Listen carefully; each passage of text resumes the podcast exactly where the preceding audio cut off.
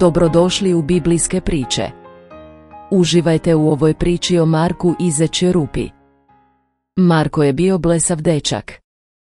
Uvek je trčao okolo i upadao u nevolje. Jednog dana, u prolece Marko je posle doručka ustao sa stola gde je doručkovao, zgrabio kaput i izleteo kroz vrata. Baš tada je čuo majku kako zove. Marko. Gde ceš, dete moje drago?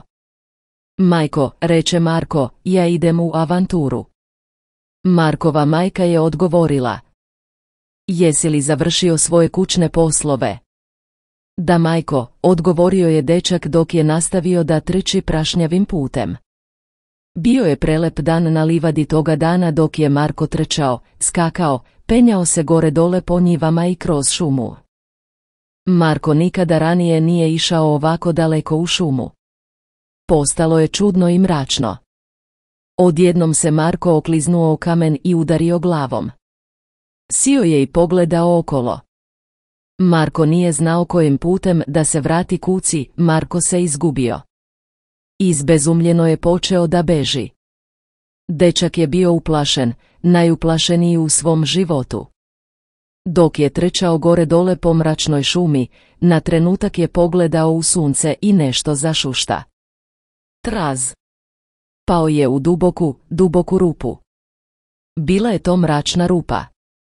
Bila je toliko duboka da je jedva mogao da vidi sunce iz rupe. Jedini izbor za Marka je bio da nastavi da putuje stazom ove tajanstvene rupe.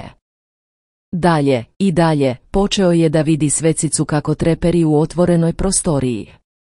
To je zec, šapnuo je tiho u sebi. Hajde uđi mali rekao je stari zec sedeci u svojoj stolici i pijuckajuce šolju čaja. Sedi mali, reče zec. Očekivao sam vas. Mene gospodine. Da, tebe. Kako se zoveš mali? Zovem se Marko. Marko Radoznalić. Aha, vidim. Marko, možeš me zvati stara mudrost. Sedi mladiku upravo sad sam sio da čitam svoju knjigu. Koja je to knjiga, upitao je dečak. To je divna knjiga, najbolja knjiga na svetu, rekao je zec. A pošto si ovde, mogao bi da mi se pridružiš u priči. Najveća priča i kada ispričana. To zvuči divno, rekao je Marko. Stari zec je započeo svoju priču. Bilo je to pre nešto više od 2000 godina. Dobar čovek, ne, savršen čovek je došao da pomogne svom narodu da imaju nadu, radost i mir. Njegov narod je bio srecan u životu koji je već imao. Taj čovek je znao da će ih njihov život odvesti u propast. Ovi ljudi su se zvali Marko imenom koje ti znaš, ti ljudi su se zvali Jevreji. Stotine i hiljade godina su očekivali da dođe čovek da ih izbavi od svih njihovih problema i da ih on spase, ne samo fizički već i duhovno.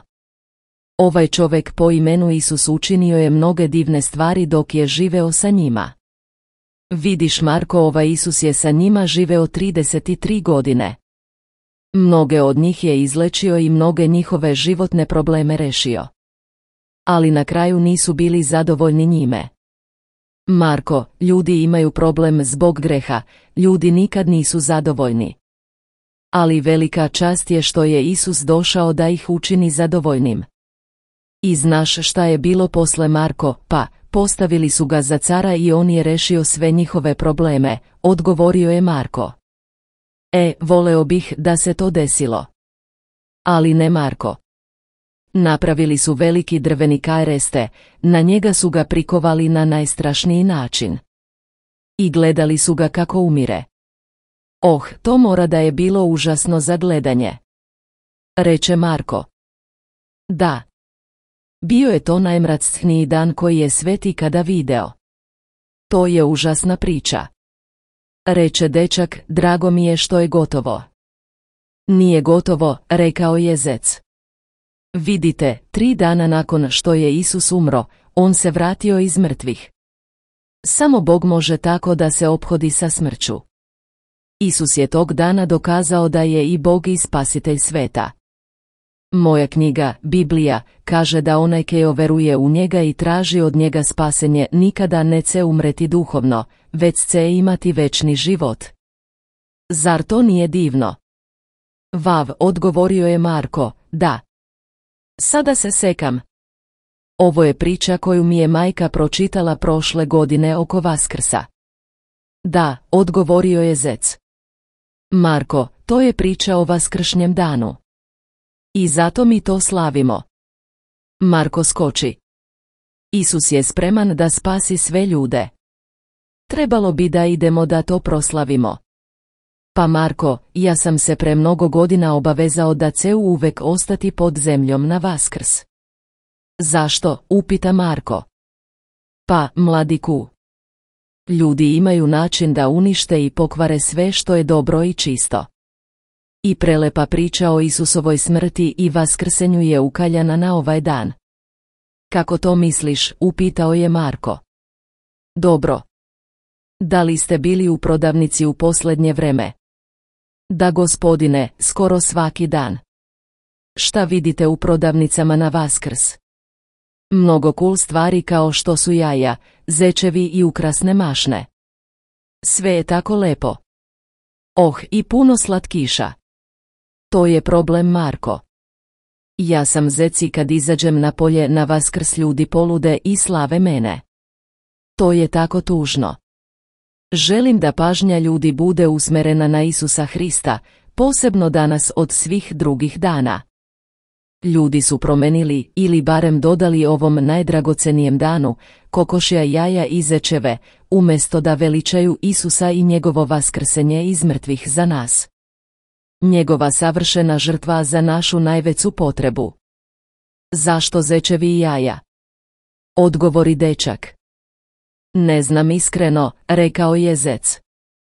Neki misle da su se njegove stare neznabožačke tradicije pomešale sa Isusom.